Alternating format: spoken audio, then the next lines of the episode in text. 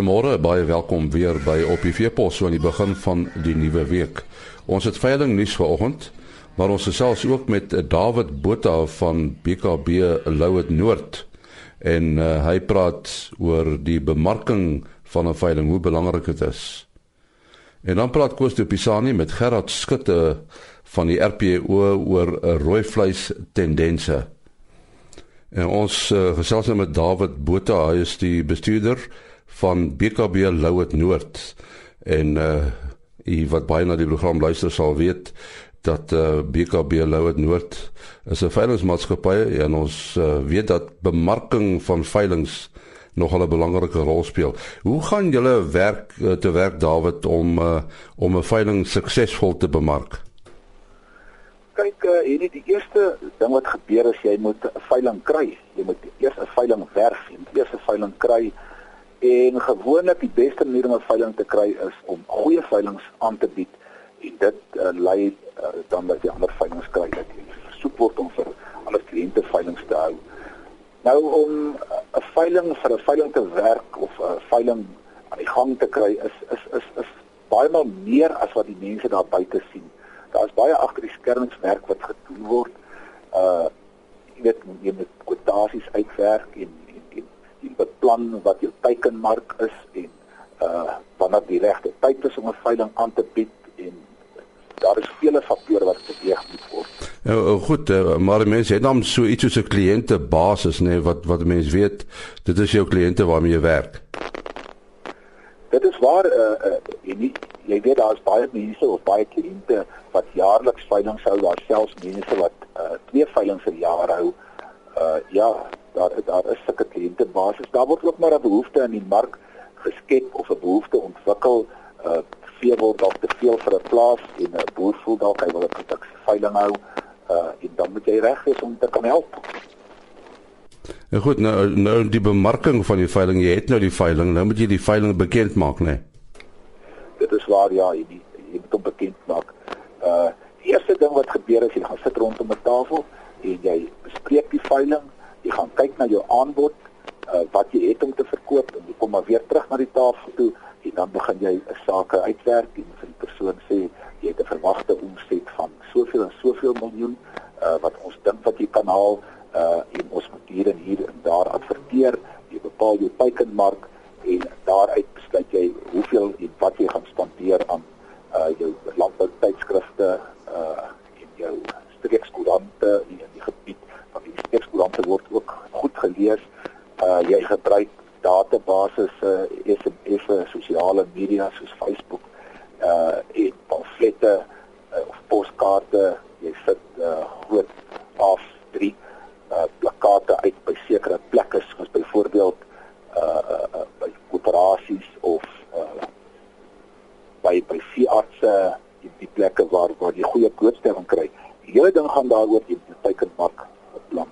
Dit help nie jy gaan goeie advertensie materiaal as 'n plek om mense wil sien of eers belangstel in jou aanbod.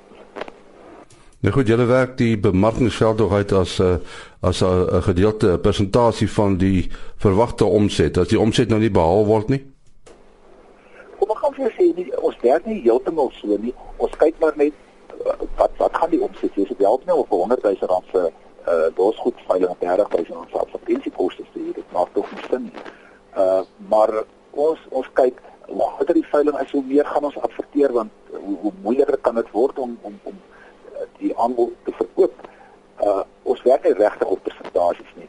Ons ons werk dit dan uit wat ons oor die jare gevind het wat baie goed werk uit ons sinning uit ons sal baie graag tweemaal in 'n in landboutydskrifte wil ingaan in die groot advertensies uh in elke tydskrif wat daar is. Ons sal dalk uh klein geklassifiseerde advertensies wil ingaan en daar adverteer. Uh ja, ons sal seker hoeveelheid pamflette maak wat ons by al ons veilingspunte aan motorvensters sit uh ensovoorts en ons bepaal die kostes. Ehm uh, is die tyd van die jaar wat mense veiling hou is is dit belangrik uh, sover dit bemarking betref? En ja, dis een van die groot dinge wat op daardie tafel bespreek moet word veral as jy die eerste maal by die kliënt uitkom. Dit is baie baie belangrik. Ons wil nie graag 'n veiling in in, in skoolvakansies hou uh, of sommer net in skoolvakansies hou. Sekere skoolvakansies is almal by die see. uh ons is teken mark nie hierso nie. Uh die tyd is vir ons baie belangrik. Ons wil dit nie in 'n in 'n in 'n week hou waar daar een of twee vakansie dae is nie want die mense gebruik dit as 'n lang naweek. Dit is vir ons baie belangrik om om die regte tyd en dan ook wanneer gebruik 'n mens die aanbod.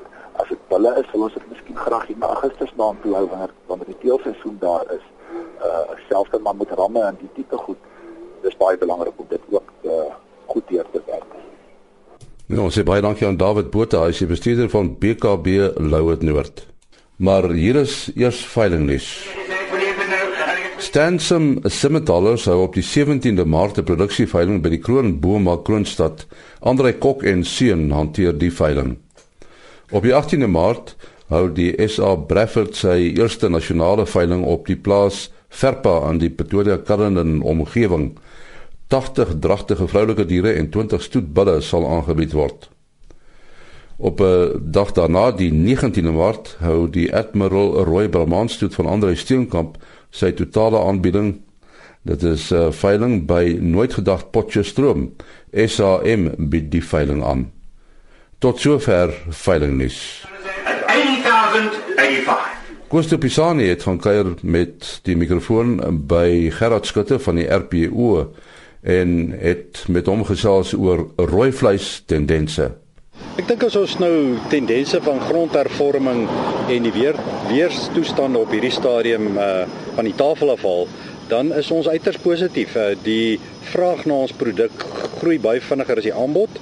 Uh en verder is dit ook so dat uh die uitvoere begin nou realiseer. Dis nou 2 jaar later wat ons 'n back and claw vrye sone status het. Ehm um, en uitvoere begin nou op 'n redelike basis uh, uit te gaan en uh, dit is uiters positief en dit kan baie positief impakteer op die produsenteprys van rooi vleis. Nou, uh, wat is die geleenthede van uh, ons rooi vleisprodusente in Suid-Afrika en ook veral in Afrika? Ons het nou gesien dat die mark vir die vraag na die produk van beesvleis gaan styg met 20% tot die jaar 2023 en vir skaapvleis met 15% en die uitdaging is om meer te produseer, dit meer effektief te produseer want uh, dit is so die mark is groter as die aanbod. Het jy enige verwagtinge wat die wat die vleispryse gaan maak hierdie jaar? Ek dink dit sal op hierdie stadium uiters uh, afhang van wat uh, met die droogte situasie tans gebeur en die volgende 3 weke se reënval. Dit gaan impakteer op die uh, mielieprys en sou uh, ons uh, goeie reëns kry, gaan die mielieprys nie soveel styg nie. Sou dit nie reën nie, gaan die mielieprys redelik drasties styg en dit gaan natuurlik 'n afwaartse druk plaas op speenkalfpryse en ook op ehm um, op verbruikerspryse. En invoere van vleis, dink jy dit gaan uh, enige sinse invloed hê op die invoere? Op hierdie stadium is ons van mening dat invoere vanaf die buurlande en oorsee is redelik onder beheer, maar nou het ons ook kennis geneem van uh baie ernstige droogte in Namibië uh en dit mag tot gevolg hê dat ons redelike uh voorsiening van daar af kry en dit gaan natuurlik dan nou ook die produsenteprys verlaag sou dit realiseer. Goed, dan net nog 'n vraag. Ehm um, jy het net gepraat ook van uh die boere moet meer produseer. Maar maar is dit moontlik om meer te produseer in die omstandighede wat ons is? Met die mense is bang om grond te koop, hulle is uh, hulle wil nie te groot gaan nie want jy weet nie wat gaan word volgende. Wat is die volgende stap wat gaan gebeur? Ek dink daar's baie onsekerhede, maar uh boere is op die grond ehm uh, en ek dink daar's 'n paar opsies in terme van beter tegnologie, beter bestuur om wel meer effektief te produseer uh en meer meer koste-effektief te produseer en dit is die roete wat ons sal moet gaan. Dink jy daar is platforms vir die vir die boere gestel om om betrokke te raak by by sulke meer strategiese beplannings vir die toekoms vir die landbou? Ek dink so uh, as 'n mens kyk na die Suid-Afrikaanse verbruiker en natuurlik die die oorseese verbruiker, ehm um, dan is dit so hulle word meer gesofistikeerd en dit laat uh, meer opsies vir die produsent ook in terme van handelsmerk uh, reklamering en betrokke raak by handelsmerke. Uh, dit sal definitief in die toekoms uh, redelike deure oopmaak. Dis my interessant dat jy verwys na die na die uh, buitelandse uh, produsente. Dink jy ons Suid-Afrikaanse produsente kan kers vashou met die buitelanders? Ja, ons het internasionale studies wat dit baie mooi wys. Uh dit is so. Ons het ongelooflike goeie boere. Ons het nie altyd die beste natuurlike hulpbronne nie, maar ons is uh uiters kompeterend in die internasionale mark. Dit was uh, Koos de Pisani wat met Gerard Skutte gepraat het. Ook die einde van op die veepos. Tot môreoggend. Mooi dag.